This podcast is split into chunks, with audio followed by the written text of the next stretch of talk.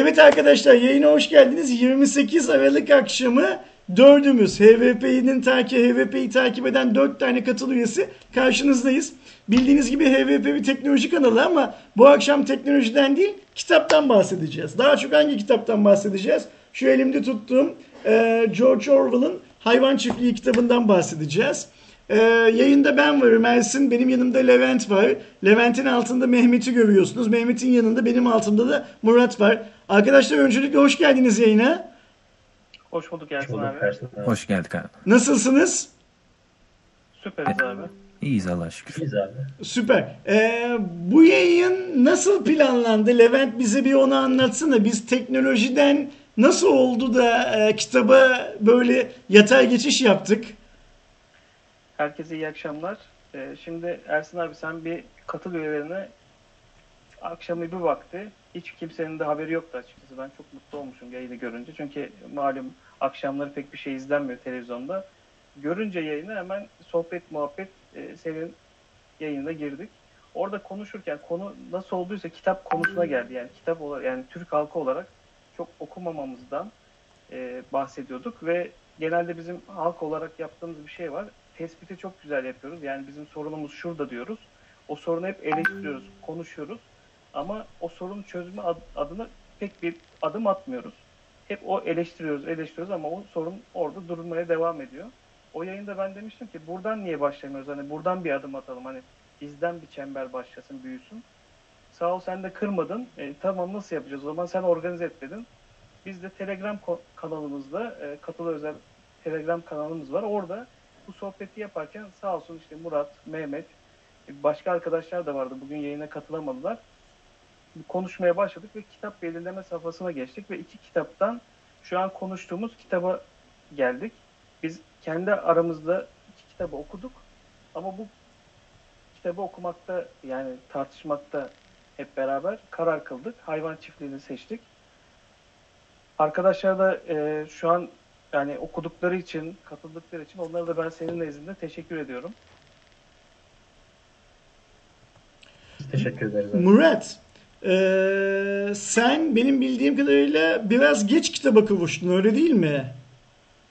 Abi geç kavuşmaktan çok e, ben bunu 27'sinde yani dün okudum. Dün gece okudum. Ha bir gecede bitirdin kitabı.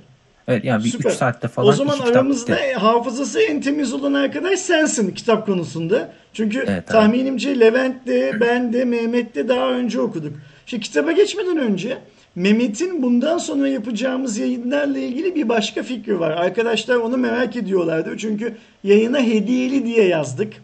Ee, Levent, Levent diyorum Mehmet şu hediyeli hikayesini bize bir anlatsana. Ne hediye vereceğiz bu akşam? Ee, şöyle Ersin abi, biz bu fikir ilk ortaya çıktığında da Levent abiyle hediye konusunu konuşmuştuk. Bugün de aramızda kısa bir konuşma geçti. Ee, öncelikle en başta bu fikir ilk ortaya çıktığındaki hediye kısmından bahsedeyim istersen. Ee, şöyle oldu yani, yani çok fazla penceresi var aslında bunun. Birincisi insanları normalde alışkanlıkları olmayan herhangi bir şeye motive etme noktasında hediyenin faydalı olabileceğini düşündük. Çünkü e, ya hepimiz insanız. Burada hani okuyan okumayan ayrımını yapmaktan ziyade genel manada hani hediyeleşmek dinen de işte sosyal hayatta olan bizim gibi insanlar içerisinde çok fazla e, motivasyon sağlayabilen bir şey açıkçası. Ve bugün biz burada dördümüz aynı kitabı okumuş da olsak eminim ki dört farklı fikir, dört farklı bakış açısıyla okuduk.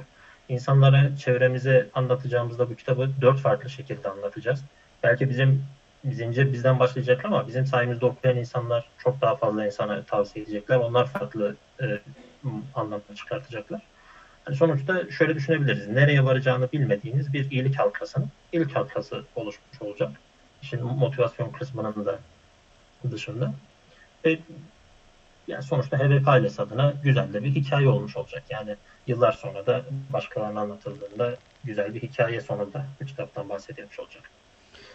Önümüzdeki ayda e, Fahrenheit 451'i e, okuyacağız ve Fahrenheit 451 üstünde konuşacağız. Bu akşam yayını izleyen 3 tane arkadaşımıza da şu anda Levent'in elinde zaten şey Fahrenheit 451. 3 arkadaşımıza e, okumamış olan 3 arkadaşımıza bu Fahrenheit 451'i bu akşam hediye edeceğiz arkadaşlar ama bir şartımız var. Hediye ettiğimiz arkadaşlarımız kitabı mutlaka bir ay içinde okuyacaklar ve önümüzdeki ay canlı yayına bizimle birlikte katılacaklar. Doğru mu söyledim Levent? Evet abi planımız bu şekilde. Yani arkadaşlara hediye edeceğiz Ee, ve onlar da bu halkaya katılacaklar. Hep beraber bu kitabı okuyacağız. Bir sonraki ayın programında inşallah onları da yanımızda görüp e, hep beraber bu kitabı tartışacağız. Şimdi Fahrenheit 451'i okumamış olan arkadaşlarımız ve kendisine hediye edersek okuyacak önümüzdeki ayda yayına katılacak olan arkadaşlarımız chatten e, Levent'le kontak kurarlarsa Levent'le kontak kurmak çok kolay. Et işaretine basıyorsunuz. Levent Orgun yazıyorsunuz. Levent doğrudan sizin yazdığınızı e, görüyor zaten. E, hangi üç arkadaşımıza hediye edeceğimize Levent karar verecek yayın boyunca. Yayının sonunda açıklayacağız. E, ve biz de üç arkadaşımızın adreslerini işte bir online alışveriş sitesinden kitapları satın alıp göndereceğiz. Tahmin ediyorum ki bir iki gün içinde yani yılbaşının hemen ertesinde ellerine ulaşır. E, ondan sonra da önümüzdeki ay Fahrenheit 451 ile ilgili yapacağımız şeyde e, yayında o arkadaşlarımızı da e, aramızda görmek isteyeceğiz. Unuttuğum bir şey var mı arkadaşlar? Levent, Murat, Mehmet herhangi Yok bir şey abi. atladın mı? Yok planımız tam bu şekilde. Okey. Şimdi olayın genel çerçevesi böyleyken artık yavaş yavaş bu akşamın konusu olan e, şeyimize, kitabımıza geçelim diyorum. Ne dersiniz? Hayvan Çiftliği, George Orwell. E, kitapla ilgili e, galiba Levent sende ya da Mehmet sende bazı basit bilgiler var değil mi? Şöyle başlayalım mı Ersin abi? Lütfen. Ee, Mehmet'te birkaç tane sayı vardı bizim okuma alışkanlığımızla alakalı. Oradan bir başlayalım istiyorsan. Sonra kitaba geçelim. Süper, çok güzel. Ne kadar okumadığımızı birbirimize bir kez daha söyleyelim ve belki biraz utanırız. Öyle değil mi Mehmet? Ee, Yani abi utanmaktan ziyade harekete geçmek gerekiyor. Süper, Ben çok güzel. Top sende. Çünkü Hı Ee, Levent abi güzel bir giriş yaptı zaten. Bu hikayenin oluşma biçiminde de aslında bizim e, hem bireysel hem toplumsal olarak olmak istediğimiz yerden daha geride olduğumuz noktasında kitap okuma alışkanlığı açısından. Şimdi ben de e, internetten faydalandığım 6-7 tane toplam e, bilimsel makaleye ulaştım. Bunların tamamı e, eğitim fakültesinde yapılmış ve farklı e, çalışma grupları var. Yani ilk öğretim öğrencileri var, lise öğrencileri var, üniversite öğrencileri var. Üniversitede öğretmenlik alanında bir eğitim gören öğrenci toplulukları var. Yani tam anlamıyla eğitim gören ve eğitim verecek olan gelecek nesillerimizi kapsayan bir çalışma topluluğundan bahsedebiliriz bu noktada. Şimdi tabii bundan öncesinde e, belli tanımlamalar var. Yani bu tanımlamalar Amerikan Kütüphane Derneği'nin yapmış olduğu bir sınıflama var. E, Amerikan Kütüphane e, Derneği 2008 yılında kitap okur yazarlık çalışması adı altında bir çalışma yayınlamış ve burada okurların e, az okuyan, orta okuyan ve çok okuyan okur şeklinde sınıflamalarına karar verilmiş. Çok bir güzel. sınıflandırma. Yılda 1 ila 5 kitap arası okuyan okurlara az okuyan okur denilmiş. 6 ila 20 kitap arasında okuyan orta okur olarak adlandırılmış. 21 ve üstünde kitap okuyan okurlarda çok okuyan okur şeklinde. İki farklı tanımdan daha bahsetmek istiyorum burada. Zaten hiç yani e, yılda sıfır kitap okuyan da hiç okumayan şeklinde Hı hı. bir okuma kültüründen bahsedeceğim. Bir de eleştirel okumadan bahsedeceğim. Çünkü elinize bir kitap aldığınızda, bitirdiğinizde o kitabı e, eleştirel bir şekilde okuyabildiniz mi? Ya da siz okuma kültürü olan bir okur musunuz? E, bunun da belli tanımlamaları var. E, okuma kültürü şu şekilde. Okuma eylemini gerçekleştirdikten sonra siz ve toplumsal olarak bir eylem gerçekleştirdikten sonra okuduğunuz şeyin sizin yaşam tarzınıza bireysel ve toplumsal olarak ne kadar etki ettiği eğer etki ediyorsa sizin okuma kültürünüz bireysel ve toplumsal olarak vardır diyebiliriz. Tamam. Eleştirel okumada şöyle, e, sizinle aynı fikirde olsun, farklı fikirde olsun. Herhangi bir e, fikir içeren kitabı okuduktan sonra kitabı okumadan önceki fikirlerinizi gözler önüne serip, ardından kitapta okuduğunuz fikirleri gözler önüne serip, aradaki farkı mukayese edip, e, kendi fikirlerinizin eksik ya da yanlış olduğu noktalardan onlardan vazgeçip okuduğunuz kitabın fikirlerine sahip olmanız ve bu noktada kitap bittikten ve siz bu düşünce aşamalarının tamamını geçirdikten sonra da farklı bir insan olmaya başladığınız ve bunu okuma kültürü haline çevirebiliyorsanız da burada da eleştirel bir okuma yapmış oluyorsunuz. E, zihninizi kullanmış oluyorsunuz öncelikle. Bu tanımlamalardan sonra birkaç tane çok da e, sözü uzatmadan ve sıkıcı olmadan sayısal e, verilerle e, devam etmek istiyorum ben konuya. Şimdi öncelikle kitabın satın alma sürecinden başlayalım. E, Türkiye'de toplam 700'e yakın öğrenci içerisinde yapılan bir çalışmaya göre öğrenciler kitaplarının %40'ı yani %40 öğrenci kitabını kütüphanelerden temin ediyor. Ama bu çalışma 2016 yılına ait. Daha güncelini bulamadım. Büyük ihtimalle pandemi döneminde bu oran çok daha düşmüştür kütüphaneler kullanılamadığı için. Bir de şeyi söyleyelim Mehmet. Bu çalışmayı kimin yaptığını da tekrar söyleyelim. Ee, şöyle Ersin abi şimdi çok fazla çalışma sonucunu derledim. Hı-hı. Tamamını ayrı ayrı olarak ben e, yorum olarak paylaşırım. Arkadaşlar yayından sonra teker teker görebilirler. Ama ha, tamam süper. hangi veri hangi çalışmaya ait net şu an e, ayırmam çok mümkün olmayacak. Ama tamamını yorum kısmından Süper paylaşırım. çok güzel. PDF linkleriyle birlikte. E, %40'lık kütüphaneden temin etmeden sonra en sık ikinci kitap e, temin etme yoluyla %35.6 ile e, kitabı satın alma. Ondan sonra yakınlarından borç alma, e, ödünç alma vesaire bu çok daha düşük yüzdelerle devam ediyor. Ardından peki e, öğrenciler okudukları kitabı nasıl seçiyorlar? Burada da %25 ile en fazla oran tanıdık tavsiyesi şeklinde. E, Herhangi bir tanıdığınız size kitabı öneriyor. %25'ten sonra ikinci büyük oran internet sitelerinden tavsiye. İşte yorum siteleri var. Eleştirmenlerin o kitap hakkında fikir beyan ettikleri siteler var. internet sitelerinden. Ardından %11 dergi ve süreli yayınlardaki yorumlar. Ondan sonra da oranlar gitgide azalarak devam ediyor. Şimdi ülkemizde üniversite öğrencilerinde yılda 12 yani ayda bir kitap okumayanların oranı %90. Ee, altını çiziyorum bu üniversite öğrencileri aslında ve biz yılda 12 ayda buna karşılık gelen bir kitabı %90 üniversite öğrencisi olarak bir tane kitabı okuyamıyoruz.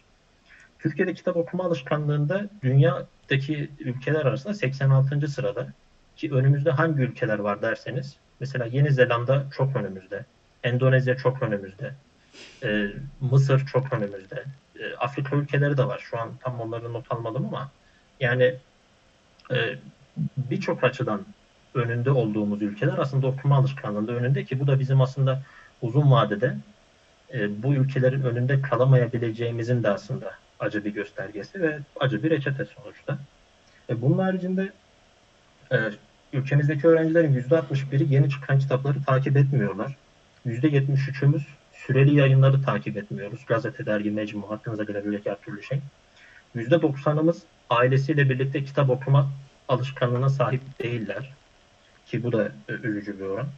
Aynı şekilde %83 öğrencimizin de evinde kişisel bir kütüphanesi yok. Yani bu e, fiziki bir kitaplık değil. İçerisinde kitaplarını bulundurduğu herhangi bir kütüphane. Yani illa işte bir marangozun yaptığı kitaplıktan bahsetmiyorum bu noktada. E, elimdeki sayısal veriler bu şekilde Ersin abi. E, yani bunların farkında olmak aslında yarın daha farklı olsun diye ya da yarını daha güzelleştirmek adına bizi daha motive edeceğini düşünüyorum. Çünkü insan bilmediği şeyi yok sayıyor. Bir şeyi ne zaman bilirseniz ve o konu hakkında ne zaman net bir tabloyu önünüze koyarsanız o zaman gerçekle yüzleşip yarın daha güzel olsun diye daha motive bir şekilde emek gösterebilirsiniz sonuçta. Ee, Murat senin söylemek istediğin, kitaba geçmeden önce senin söylemek istediğin bir şeyler var mı? O üniversite ayda bir kitap okumayan üniversiteli kısmına ben de giriyorum herhalde. Onu Öyle mi? bildim. Maalesef. Tamam. Ee, belki böyle böyle senin en az ayda bir tane kitap okumanı sağlayabileceğiz ama. İnşallah. Süper. O zaman e, akşamın esas konusuna artık yavaş yavaş geçelim istiyorum. Arkadaşlarımız çünkü merak ediyorlardı. Yorumlardan gördüğüm kadarıyla Orwell'ın hayvan çiftliğini okuyan arkadaşlarımız da var aramızda. E, bugüne kadar hiç okumamış olan arkadaşlarımız da var. O yüzden okuyan arkadaşlarımızdan yorum kısmında aktif olmalarını rica edeceğim. E, kitapla ilgili düşündükleri şeyleri, favori karakterlerini, çok spoiler vermeden kitabın hangi bölümünden çok etkilendiklerini ya da hmm, ne kadar süre önce okumuş olurlarsa olsunlar kafalarında e, kitapla ilgili hangi anlatılan hikayenin kaldığını ama spoiler vermeden eğer paylaşabilirlerse çok sevinirim. E, Levent, e, bizi izleyenlerden bir arkadaşımız Şeyma önümüzdeki ay yapacağımız yayına katılabileceğini söylüyor. Sizin için de uygunsa Fahrenheit'e hediye edeceğimiz ilk arkadaşlarımızdan birisi Şeyma olsun. Ee, Şeyma senden ricam yayın bittikten sonra benim mail adresime ersinetvp.com.tr'ye e, bir mail atman şeye yazdım, çete yazdım. Ee, ya da e, yayın esnasında Levent de eğer kendi mail adresini yazarsa Levent'e bir mail atman. Böylece hızlıca e, Fahrenheit'in sana ulaşmasına şey yapalım, e, sağlayalım. Lütfen arkadaşlar Şeyma gibi e, bir sonraki yayına katılıp Fahrenheit'la ilgili bizimle görüşlerini paylaşmaya hevesli olan, niyetli olan, imkanı olan arkadaşlar chatte kendilerini şey yapsınlar, e, belirtsinler, görelim, gözümüzden kaçmasın. Levent, kitaba senle başlayalım.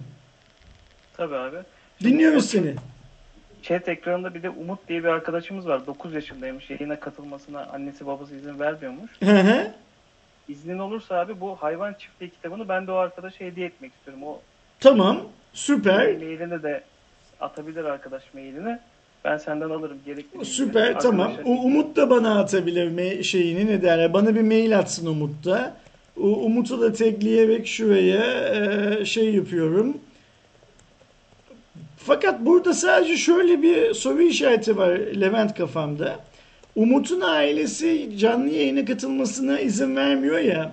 Bu bizim ancak saygı duyabileceğimiz bir karar. Acaba Umut'un ailesi Umut'un e, bu kitabı okumasına izin verir mi? Umut ne dersin? Yani açıkçası e, yani bu hayvan çiftliğini hediye etmemdeki sebep de bu kitabın yani şu an konuşacağımız kitabın aslında 7'den 70'e e, bir kesme hitap ettiğini düşünüyorum. Yani ne, ne kadar da olsa 1945'te yazılmış bir kitap ola- olsa da bu kitap şu an konuştuğumuzda fark edeceğiz ki belki dünyadaki şu anki düzeni de anlatıyor ama 45 yılında yazılmış. O zamanki düzenden belki bu, bu zamana kadar aslında pek bir şeyin de değişmediğini e, toplumların yönetilmesindeki psikolojide çok pek bir şeyin değişmediğini göreceğiz. E, George Orwell bu kitabı yazarken gerçek adı da bu arada Eric Arthur Blair kitabı yazarken dediğim gibi 1945 yazıyor ve genellikle sosyalizmin bir hicvi gibi algılanıyor o zaman. Hatta birçok yorum okuduğunuz zaman kitapla internetle alakalı işte o dönemki karakterler üzerinden her bir karaktere, kitabın içinde geçen bütün karakterleri birilerine benzetilmiş. Aslında bugün de okurken o birilerini başka birilerine benzetiyoruz. Yani çok da değişen bir şey olmuyor. Bu arada kata- kapakla alakalı ben bir konuşma yapmak istiyorum abi. Tuttuğun kapakta arkadaşlar pembe ve siyah rengin Hı hı. ağırlıkta olduğunu görecekler. Oradaki pembeler, e, tabii bu benim yorumum, ne kadar doğru bilmiyorum. Biraz toz pembe hayallerden, ideallerden bahsediyor. Ama o siyahlıklar da e, kitabı okuduğunuz zaman o toz pembe hayallerin e, o siyahlıklarla nasıl buluştuğunu, nasıl çarpıştığını simgeliyor bence. Kısaca kitaba şöyle bir girişker yapayım abi. Sonra arkadaşlar da e, söz alsınlar. Lütfen. Kitaba başladığımızda bir hayvan çiftliğinden konuşuyoruz. Karakterler işte domuzlar var, tavuklar var, koyunlar var, atlar var ve bunlar bir insanın çiftliğinde e, çalışıyorlar, üretiyorlar. Kendinden beklenenleri bir insan için üretiyorlar. Hı hı.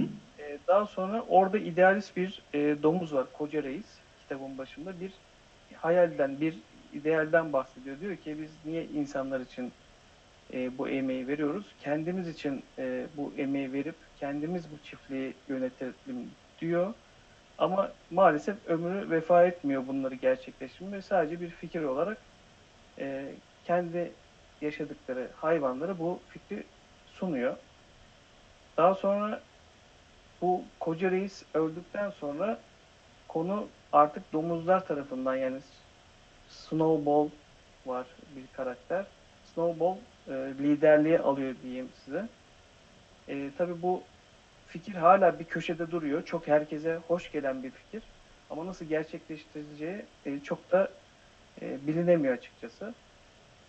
Ve bir anda e, günün birinde insanlara karşı bir isyanla e, artık buralarına gelmiş diyeyim. Öyle bir durumda hep birlik olup e, bir isyan başlatıyorlar. E, buradan söz devam etmek isteyen varsa istiyorsanız bunu Aslında şeyi yönetime karşı bir isyan başlatıyorlar öyle değil mi? Evet. Hı hı. Mehmet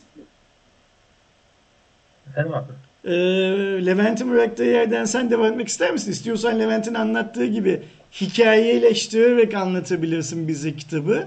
İstiyorsan da e, hani böyle e, çok kitabın hikayesine girmeden aslında bize ne anlat ne anlatmak istediğini söyleyerek devam anlatarak devam edebilirsin. Şöyle yani şimdi Levent abiden söz alınca Levent abi sağ olsun beklentileri bayağı bir yükselttiği için kendisinin güzel anlatımı kadar olmayabilir ama şimdi şöyle abi e, öncelikle ben bu kitabı ilk kez lise 1'deyken edebiyat öğretmenimiz o zaman e, yazılıda 20 puanlık kısmı bu kitaptan yapacağı için sınıfça hepimizi okutmuştu. İşte o dönemde 15 yaşlarında falandım sonuçta. Ve şundan çok eminim. Ben 15 yaşında bu kitabı okuduğumda şu an anladıklarımı anlamamıştım. Hmm. Yani e, az önce Levent abinin söylediği 7'den 70 herkese kapsaması aslında e, biraz da bundan. Yani herkes farklı şeyler anlayabiliyor bu kitaptan. Ha, şimdi Umut için şöyle farklı bir kitap önerilebilir. Çünkü hani Umut bu kitabı evet okuyabilir. Mesela George Orwell'ın 1984'ü gibi değil. Daha anlaşılabilir bir kitap. Daha Hı hı. e, anlatımı sade. Ama sonuçta bizim anlayabileceğimizden çok daha sınırlı şeyleri anlayabileceği için ileride yaşı büyüdüğünde o zaman tekrar okumasını tavsiye ederim yani en azından. Biz ben, bence biz Umut'a şimdilik Umut da bu bunu anlayacaktır. Ee, bu kitabı hediye etmeyelim. Umut kendi evindeki ailesinin seçki, seçtiği, ailesinin onay verdiği kitaplardan neler varsa onları okumaya devam etsin. Biraz daha büyüyüp kendi kitap zevki oluşmaya başladığı zaman zaten eğer canı bunu okumak isterse mutlaka okuyacaktır diye tahmin ediyorum. Ee, Levent abinin kaldığı yerden de devam edecek olursam abi Levent abinin bahsettiği üzere bu normalde insanların olduğu bir çiftlik. Ondan sonra işte Koca Reis'in fikirlerini Koca Reis öldükten sonra devam ettiren önce fikir bazında yaşatan hayvan çiftliğimizin e, hayvanları var. Ee, bir noktadan sonra bu idareye, yönetime ve kendilerinin aslında bu şekilde kullanılışına itirazları. Çünkü e, temeli olmayan bir itiraz da değil bu aslında. Yani düşündüğünüzde işte sürekli emek veren onlar ama belli bir kitle sizin verdiğiniz emeğin karşılığını alıp götürüyor. Ve bu noktada siz emeğinizin karşılığını göremiyorsunuz aslında. İtiraz edilen temel şey de bu. Hani e, biz her şeye sürekli itiraz edelim. Bazında bir itiraz değil aslında kitapta bahsedilen. E, bu kalkışma başarıyla sonuçlanıyor. Çiftliğin sahibi olan insanlar oradan uzaklaştırılıyorlar bir şekilde. Hı hı. Ve ondan sonra da en başta her şey çok güzel olarak görünüyor olsa da çünkü sonuçta sizin memnun olmadığınız bir düzen ortadan kalkmış ve o noktada siz tamamen artık söz sahibisiniz. Yeni kural koyucu sizsiniz. Her şeyi kendi ve sizinle eş değer olan e, topluluk için güzel şekilde dizayn edebileceksiniz. Ama bu noktada da tabii şu karşınıza çıkıyor. E, yani muhtemelen hak verecektirirsiniz hem siz hem izleyenler. E, herhangi bir toplulukta e, otoritesizlik aslında olabilecek en kötü otoriteden de kötü bir şey. Çünkü bu noktada şöyle oluyor. Sizin elinizde yetki yokken yani e, Mehmet sen atıyorum bu apartmanın yöneticisisin. Sen burada ne yapmak istersin diye size sorulmadan önce sizin çok fazla fikriniz var aslında. İşte ben buraya gelince şöyle yapacağım, ben buraya gelince böyle yapacağım. Ama ne zaman sizin elinize yetki verilse ve siz bu konuda görevlendirilseniz nihayetinde hani makam dediğimiz şey, koltuk dediğimiz şey e, bir noktada insanları motive eden ve siz ona sahip olduktan sonra da geçmişinizi unutmanıza sebep olabilecek e, insanı biraz da hırslandırabilen bir şey aslında. E, kitabımızda da aynen böyle oluyor. Yani ortada bir otoritesizlik var. Bütün hayvanlar eşit gibi görünen bir topluluk var. Ama sonuçta kendilerini daha zeki olduklarını düşünen bir hayvan topluluğu ki bu kitabımızda domuzlardan bahsediliyor bu sınıf. E, diğer hayvanların yönetimini en başta onların faydasınaymış gibi göstermeye çalışarak e, ele almaya çalışıyorlar. Diğer hayvan sınıflarına göre bir baskını kurmaya çalışıyorlar ki kapakta bahsettiğimiz yani o domuz teması da muhtemelen o yüzden. Süper. Ki Mehmet, burada lafı Murat'a vermek istiyorum ama sözü vermeden önce e, chatte biz bu kitabı okuduk diyen arkadaşların da kitapla ilgili bizimle ve yayını izleyen arkadaşlarımızla ilgili ufak tefek bazı şeyler paylaşmalarını rica edeceğim. Murat, senden şunu sor- öğrenmek istiyorum öncelikle. Kitabı unutalım. Yani işte bugün burada hayvan çiftliği, George Orwell'ın hayvan çiftliği ile ilgili konuştuğumuzu unutalım. Sen biraz önce şey dedin ya, ben ne yazık ki e, haftada ayda bir kitap bile okumayan üniversite öğrencilerinden bir tanesiymişim bu araştırmaya göre dedin. E, Mehmet'in e, bizimle paylaştığı araştırmaya göre. E, ama buna rağmen diyorsun ki kitap dün elime ulaştı. Bir gecede okudum. E, bu kadar hızlı bitireceğini tahmin ediyor muydun kitabı? Ya abi ben eskiden küçükken çok okurdum. Hı hı. Bu büyüdükçe kitap okuma şeyi bende azaldı. Yoksa, normalde 5. sınıfta ben 4-5'te yılda 70-80 kitap bitirdiğimi biliyordum. Sonra yaş büyüdükçe kitap okuma bende bayağı bir azaldı. Hatta bu sıralarda hani internet yokken hani çok önemli bir detay bence bu. İnternet yoktu bizim evde bir ara. Bir 900 sayfalık mı bir kitap vardı. Ben onu bir haftada bitirdim mesela internet olmadığı için. Biraz da bu internet bizi çok kitap okumaktan alıyor gibi geliyor bana. Ben senin bu söylediğine katılıyorum biliyor musun? Yani internet eğer e, olmazsa hayatımız çok zor. Ama e, internetin olduğu zaman da bazı başka şeylere zaman ayıramadığımızı düşünüyorum ben de. Mesela spor yapmaktansa e, bilgisayar ekranının karşısında zaman geçirmeyi ya da işte kitap okumaktansa senin verdiğin örnekteki gibi bilgisayar ekranının karşısında zaman geçirmeyi tercih edebiliyoruz. I am Beyaz Nickli, I am Beyaz herhalde Beyaz diye tahmin ediyorum. Nickli arkadaşımız kitapta çok karışık şeylerin basit bir çizgi filmmiş gibi basitçe anlatılmasına bayıldım. Efsaneydi demiş. Kitabı okuyan arkadaşlarımızdan bir tanesi olduğunu anlıyoruz bu şeyde. Murat sen ne düşünüyorsun şeyle ilgili? Orwell'ın hayvan çiftliğiyle ilgili. Abi çok sevdiğimiz bir ülkenin çok güzel bir tasviri ya. Hele özellikle sonları. O olmasaydı biz yapamazdık. Onun sayesinde oldu bu işler. Hatta bir hani spoiler olacak bilmiyorum. Kitabın bir yerinde tavuk diyor ki ben önderimiz sayesinde 7 günde 6 tane yumurta yumurtlayabildim diyor. Hani öyle bir sorgulamamak, öyle bir her şeyi bir kişiye mal etmek hani çok güzel bir tasvir. Ben çok beğendim o konuda. Ve her şeye, bütün düzenlere uyabiliyor bu kitap. Sadece bizim düzenimiz, bizim sevdiğimiz ülkenin düzenine değil. Bir şey soracağım sana. E, şeye katılıyor musun? Biraz önce Mehmet aynısını söyledi. Mehmet söylemeden bir süre önce de yanlış hatırlamıyorsam Abdullah chatte aynı şeyi yazmıştı. Bu kitap dedi farklı yaş gruplarında farklı konjektürlerde okunduğu zaman farklı farklı anlamlar çıkartılabilecek bir kitap dedi. E, sen buna katılıyor musun? Yani abi belli bir yaşı geçtikten sonra belli bir tecrübe edindikten sonra ben herkesin aynı anlamı alacağını düşünüyorum. Belki küçük yaşlarda başka anlamlar uyandırabilir de. Mesela benim yaşım ve sonrası için hatta daha küçükleri bile hep aynı anlamı alacaktır. Hep aynı şeyi görecektir diye düşünüyorum ben bu kitaptan. Yani 20 yaşındaki de neredeyse aynı şeyi anlar, 70 yaşındaki de neredeyse aynı şeyi anlar bence. Anladım. E, her üç konuğuma da aynı soruyu sormak istiyorum. Sizce arkadaşlar bu kitap otoriteye bir baş kaldırır mı? Yoksa otoritenin yerini alma çabası mı? Hangisi olarak görüyorsunuz? Abi ben şöyle gireyim. E, otorite bir baş kaldır değil aslında. Bu kitabı okuduğumuz zaman okurken e, karakterlerin aslında o işte koyunların, o çalışkan atın, işte bu e, fikir üreten, kendilerine yönetime ya yönetmeye hak gören domuzların aslında hayatımızda bir şirket düşün ya da bir e, toplum düşün. Bunların aslında aramızda olduğunu ve bazı rolleri e, sahiplendiğini görüyoruz. Hani ben aç, açıkçası bir baş kaldırıdan ziyade bunları görmek, hani bunlarla karşılaşmak, yani bir koyunun yaptığı harekette ya da demin Murat'ın söylediği gibi tavuğun davranış tarzında aslında bir dönüp baktığım zaman, işte bu yaşta baktığım zaman başka bir şey görüyorum. Belki e, ilkokul çağında ya da ortaokul çağında okusaydım bu kitabı belki sınıf içindeki bu karakterleri Hmm. orada e, yansımalarını görecektim. Şu anda yaşadığım çevrede, yaşadığım iş yerinde, yaşadığım toplumda karşılıklarını görüyorum. Açıkçası hani bir baş kaldırı değil ama bizi bize anlatan neredeyse bir kitap gibi olmuş diyebilirim. Yine sırayla gidelim. Mehmet sen ne düşünüyorsun bununla ilgili? Ee, abi şöyle düşünüyorum yani sadece bir baş kaldırı olarak görmek ya da otoriteyi ele geçiriyor olarak görmek aslında e, biraz sınırlandırıyor bence meseleyi. Şöyle ki Mesela bu kitap e, toplam kaç sayfa aklımda değil ama şöyle hemen bir bakayım 150'lerde. 150 Çok sayfa. çok kalın bir kitap değil. Bakalım şöyle. Tam 151 sayfa. Şeyle beraber son sözüyle birlikte. Mesela bu kitap 150 sayfa değil 1500 sayfa olsaydı Hı hı. yani biz kronolojik olarak bu olayları devam ettirseydik.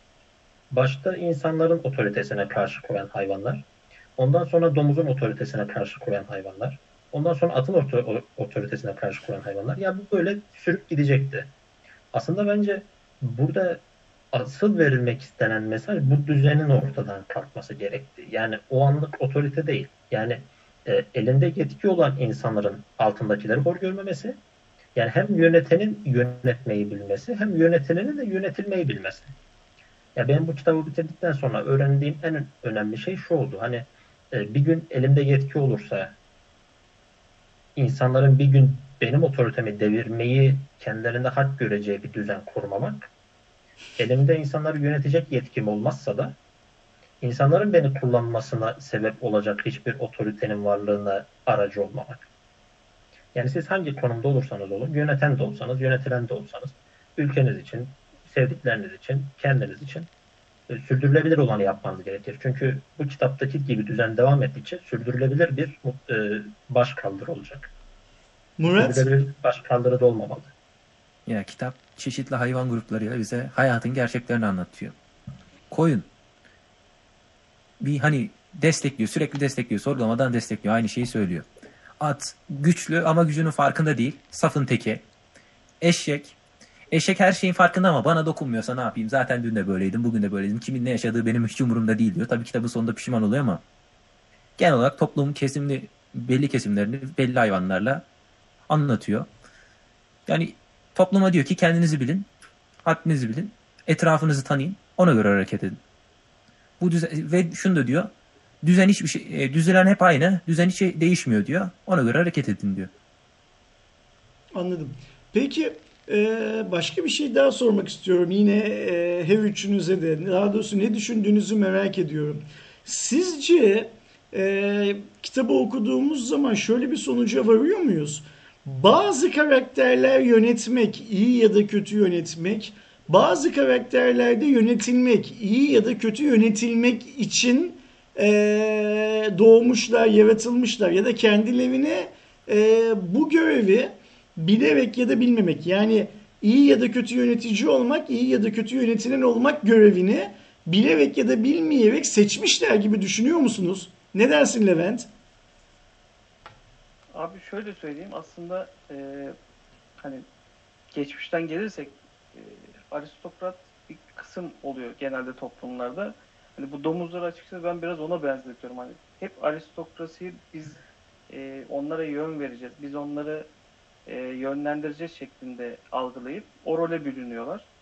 Ama e, Murat'ın söylediği gibi işte koyun koyunluğunu yapıyor ya da at sadece çalışkan sınıfı temsil ediyor ve o rolü be- bezenmiş durumda. Yani o atın imkan varken yani burada kaynaklar varken domuzlar okuyup kendini geliştiren hani kitabı okuduğunuz zaman bir şeyleri araştıran ve kendine bir şey katmaya çalışan bir kısımdayken at karakteri sadece çalışmaya odaklanıyor. Yani orada da ona imkan var. Orada da okuduğu şeyi yani okumayı öğrenmek için bir çaba sarf etmiyor. Sadece yapabildiğinin en iyisini yapmaya çalışarak o sınıfta kalmayı tercih ediyor. Senin dediğin gibi e, o kişi orada kalmayı tercih ediyor. Yöneten de yönetmeye rolüne sahip çıkıp yani oradaki topluluğu yönetmeye çalışıyor. Ne dersin Mehmet? E, Levent abi katılıyorum abi. Yani e, zaten her insanın, her topluluğun e, kendine has da bir özelliği var. Yani siz herkesten iyi yönetici olmasını ya da herkesten iyi öğretmen olmasını bekleyemezsiniz. E, sonuçta yönetebilmek de aslında bence bir yetenek. E, işte çevresel faktörleri var. İnsan fıtratından gelen özellikler var. Sonuçta bugün dördümüz aynı ülkeyi 10 yıl yönetelim dersek 10 yılın sonunda bambaşka yerlerde bırakırız. Birimiz bir meselede iyiyizdir, bir diğerimiz başka meselede. Ama bence burada önemli olan e, gerçekten iyi olduğunuz işte e, görev alabiliyor olmanız. Hatta eski e, işte Osmanlı'da da öyle, daha öncesindeki Türk devletlerinde de öyle. Yani size bir görev addedildiğinde siz ondan e, kaçarmışsınız Çünkü hakkıyla altından kalkamayacağını düşünürcesine. Bir göreve talip olunmazmış orada. O görev size verilirmiş. Siz buna layık olduğunuz düşünüldüğü için. Yani e, aslında böyle yani herkes gerçekten iyi yönetici olamaz. Herkes gerçekten iyi yönetilen de olamıyor. Çünkü hani bu kitabı ben bitirdiğimde anladığım şey şu oldu. Murat da bahsetti. Zaten kitabı en yakın sürede de okuduğu için hani ben en ilk okudum. Yani bu konu bittiğinde ben kitabı bitirmiştim. Hemen hemen aynı günlerde okumuştum. Hani olaylar çok net aklımda değil aslında. Ama genel manada kitaptan çıkardığım sonuç gerçekten bugün ben yöneten insan değilsem iyi yönetilmeliyim, yönetilmeyi bilmeliyim. Hani e, kitabın bir kısmında şöyle bir şey geçiyor. E, bu hayvan çiftliğinde insanların otoritesi yok edildikten sonra ortada domuzlar yavaş yavaş ipi eline almaya başladıklarında e, ineklerden sağlanan sütler bir gün kayboluyor. Ondan sonra da bu sütün e, aslında domuzlara verildiği ortaya çıkıyor. Ve şunun izahı yapılıyor. Yani biz böyle olsun ister miydik? E, biz sizin elinizden almıyoruz bu sütü. Biz sizi daha iyi yönetebilmek için içiyoruz. İşte bu bana şunu gösterdi. Yani gerçekten bizim tek açıdan değil, bir alt gözlüğüyle değil, her açıdan da yönetilmeyi bilmemiz gerekiyor. Ve biz yönetilmeyi bilmediğimiz sürece, sadece bu bizim için de değil, dünyadaki bütün ülkeler için bence böyle. Hani yönetilmeyi bilmeyen bir halkın yöneticisinden şikayetçi olmaya da bence hakkı yok. Çünkü bir yerde e, Peygamber Efendimizin hadisi de var. Dini bir bakış açısı da sunabiliriz bu noktada. Nasıl olursanız öyle yönetilirsiniz. Özet, e, şeyin özetim bu olsun yani. Anladım. Ee, Murat, Gökhan biraz önce chatte şöyle bir şey yazdı. Asıl anlattığı da liderlerin hep sonradan birbirine benzediği dedi.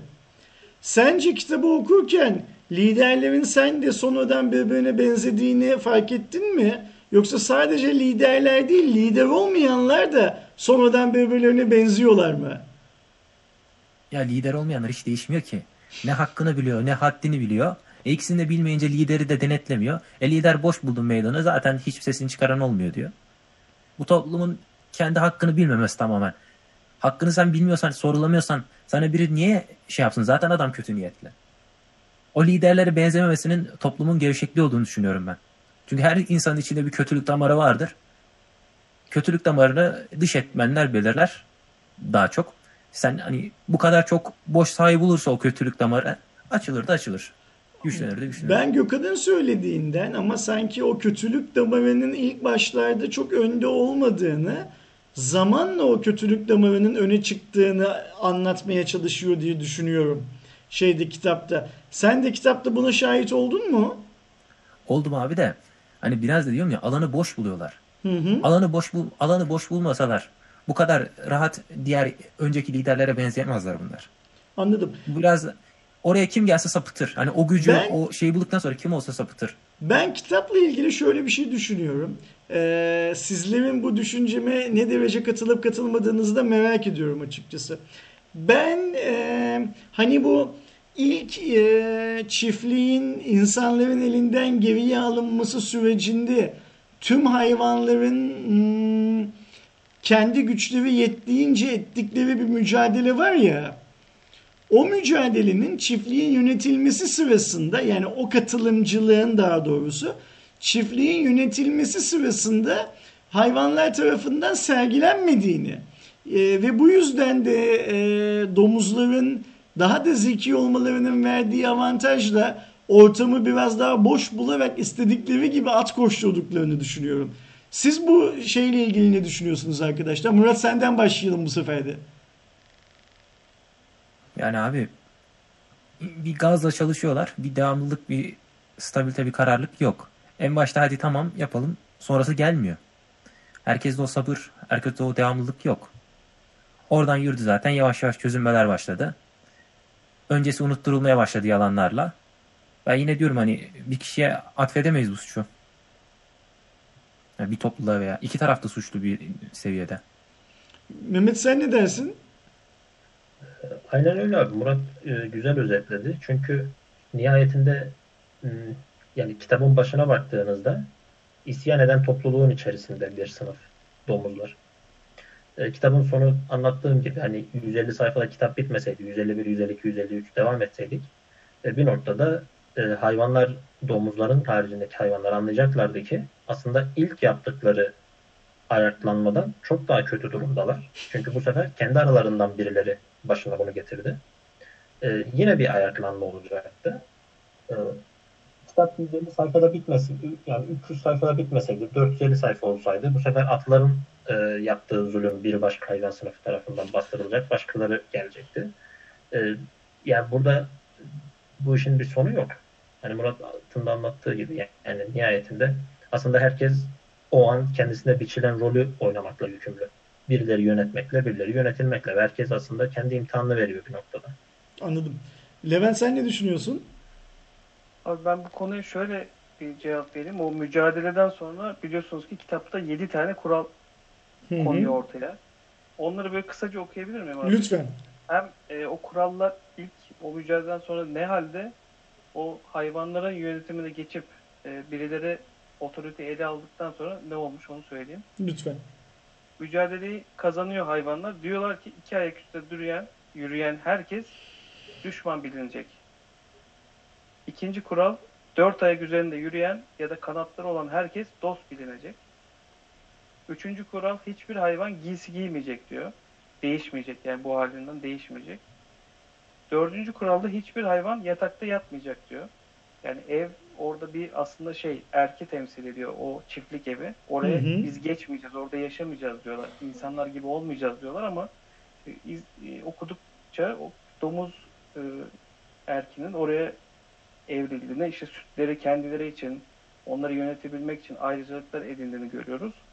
Ama burada e, şuna geliyor iş. Hiçbir hayvan yatakta yatmayacak diye bir kural koyuyorlar ama sonra aralarında bir tane böyle spiyoncu dediğim Squirrel diye bir karakter var. Diyorlar ki siz evde yatıyorsunuz yani bu ne iş? Hani yatılmayacaktı. Hayır siz yanlış hatırlıyorsunuz diyor. Çarşaf serili yatakta yatılmayacaktı diyor. O kural öyle değildi diyor. Siz yanlış hatırlıyorsunuz diye insan yani oradaki karakterleri böyle değiştiriyor kuralı. Sonra diyorlar ki 5. kuralda hiçbir hayvan içki içmeyecek diyor. Ama domuzlar sonlara doğru içmeye başlıyor. Hatta insanlarla pazarlık yapmaya başlıyorlar. Yan çiftlikte alışverişe başlıyorlar. Burada da o skiller yine çıkıyor topluma diyor ki hayır diyor siz yanlış anlıyorsunuz. Sarhoş olacak kadar içki içilmeyecekti diyor. Kural öyleydi siz yanlış hatırlıyorsunuz diyor. Altıncı kuralda diyor ki hiçbir hayvan başka bir hayvanı öldürmeyecek. Bu ilk başta söylenen iki ayak kötü, dört ayak ve kanatlar iyiydi. Ama sonra görüyoruz ki işte bazı hayvanlar öldürülmeye başlıyor kendileri kendi otoriteleri tarafından. Orada yine aynı yalancı ispiyoncu çıkıp diyor ki sebepsiz yere hayvan öldürülmeyecek dedi. Bunların sebebi var diyor yani. Bunlar Hmm. bize hainlik yapıyorlar diyor. Son kuralda da bütün hayvanlar eşitti.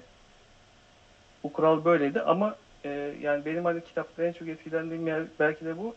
Bütün hayvanlar eşittir ama bazı hayvanlar öbürlerinden daha eşittire evriliyor bu kural. İşte bu kuralları ilk mücadelede nasıl kendileri koyuyorlar.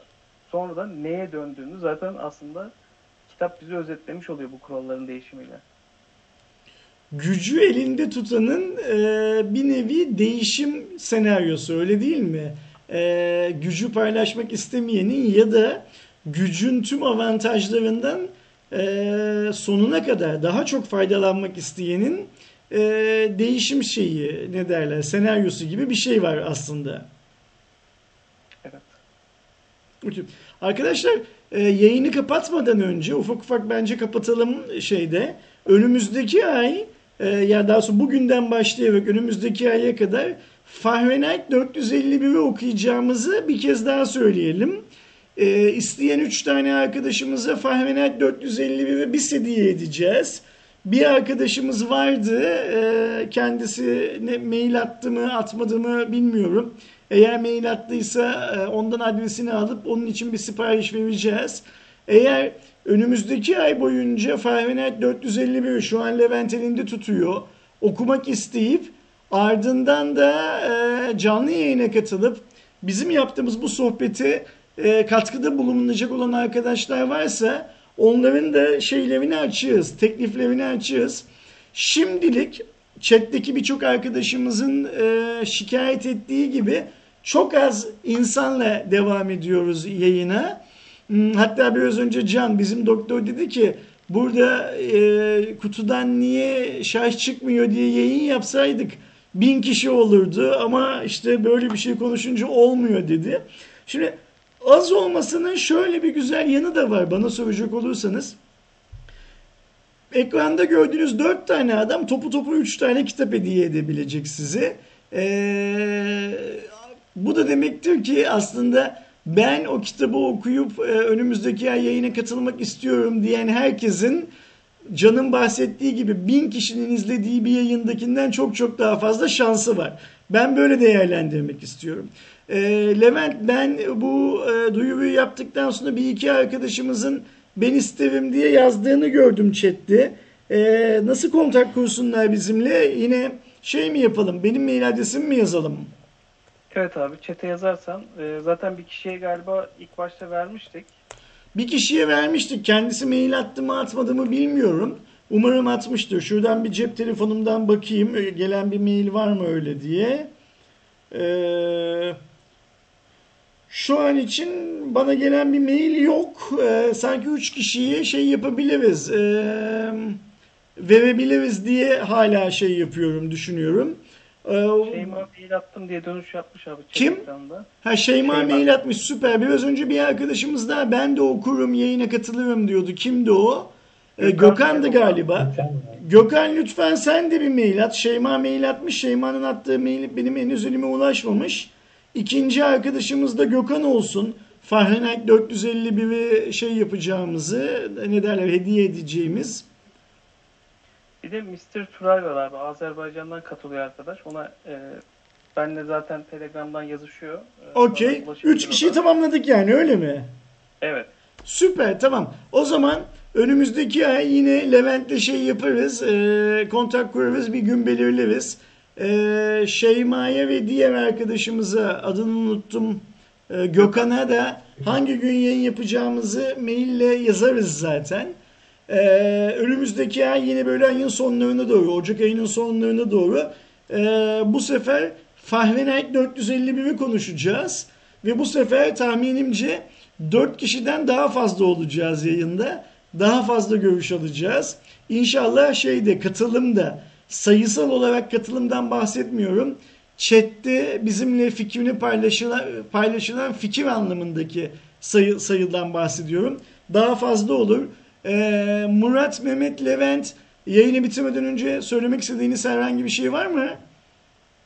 Abi ben sana çok teşekkür ederim bu yayına e, önce olduğun için. O muhabbet sohbet konusundan yani biz kendi aramızda belki dertleşirken konunun böyle bir e, kıvılcıma getirilmesinde ön ayak oldum. E, bunun da inşallah devamını arkadaşların katılımıyla gerçekleştiririz.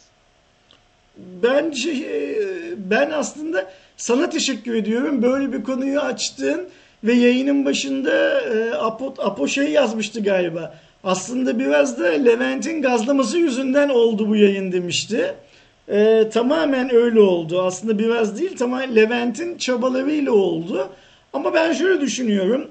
Eğer e, bir arkadaşımız bile e, yayını başından sonuna kadar izlediği için pişman değilse yani bu yayını izlemek yerine YouTube'daki herhangi bir videoyu ya da e, telefonuna veya bilgisayarına kurulu olan herhangi bir oyunu oynamadığı için pişman değilse bence keyifli bir sohbet oldu.